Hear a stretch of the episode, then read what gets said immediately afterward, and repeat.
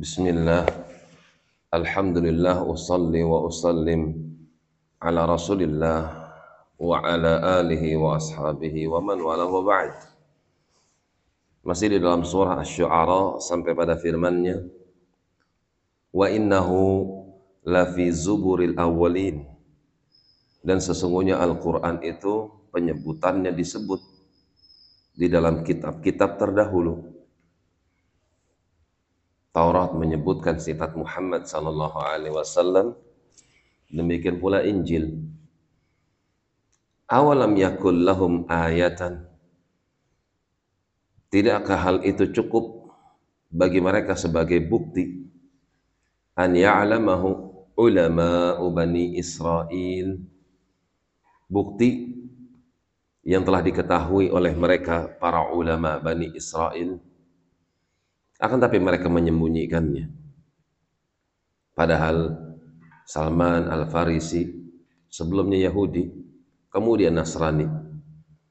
Abdullah bin Salam Yahudi, bahkan ulama Yahudi. Ketika datang Muhammad sallallahu alaihi wasallam, maka mereka mempersaksikan akan kebenarannya.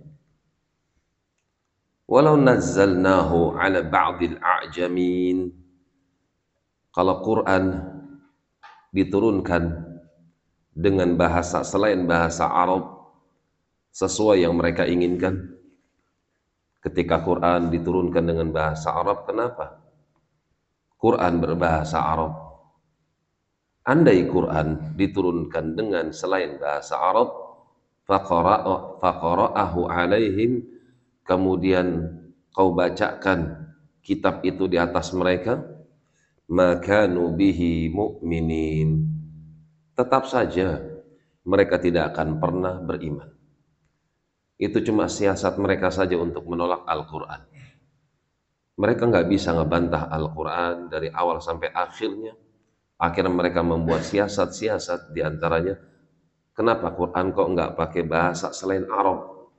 Maka dijawab andai Quran diturunkan dengan selain bahasa Arab sekalipun tetap saja kalian tidak akan pernah beriman.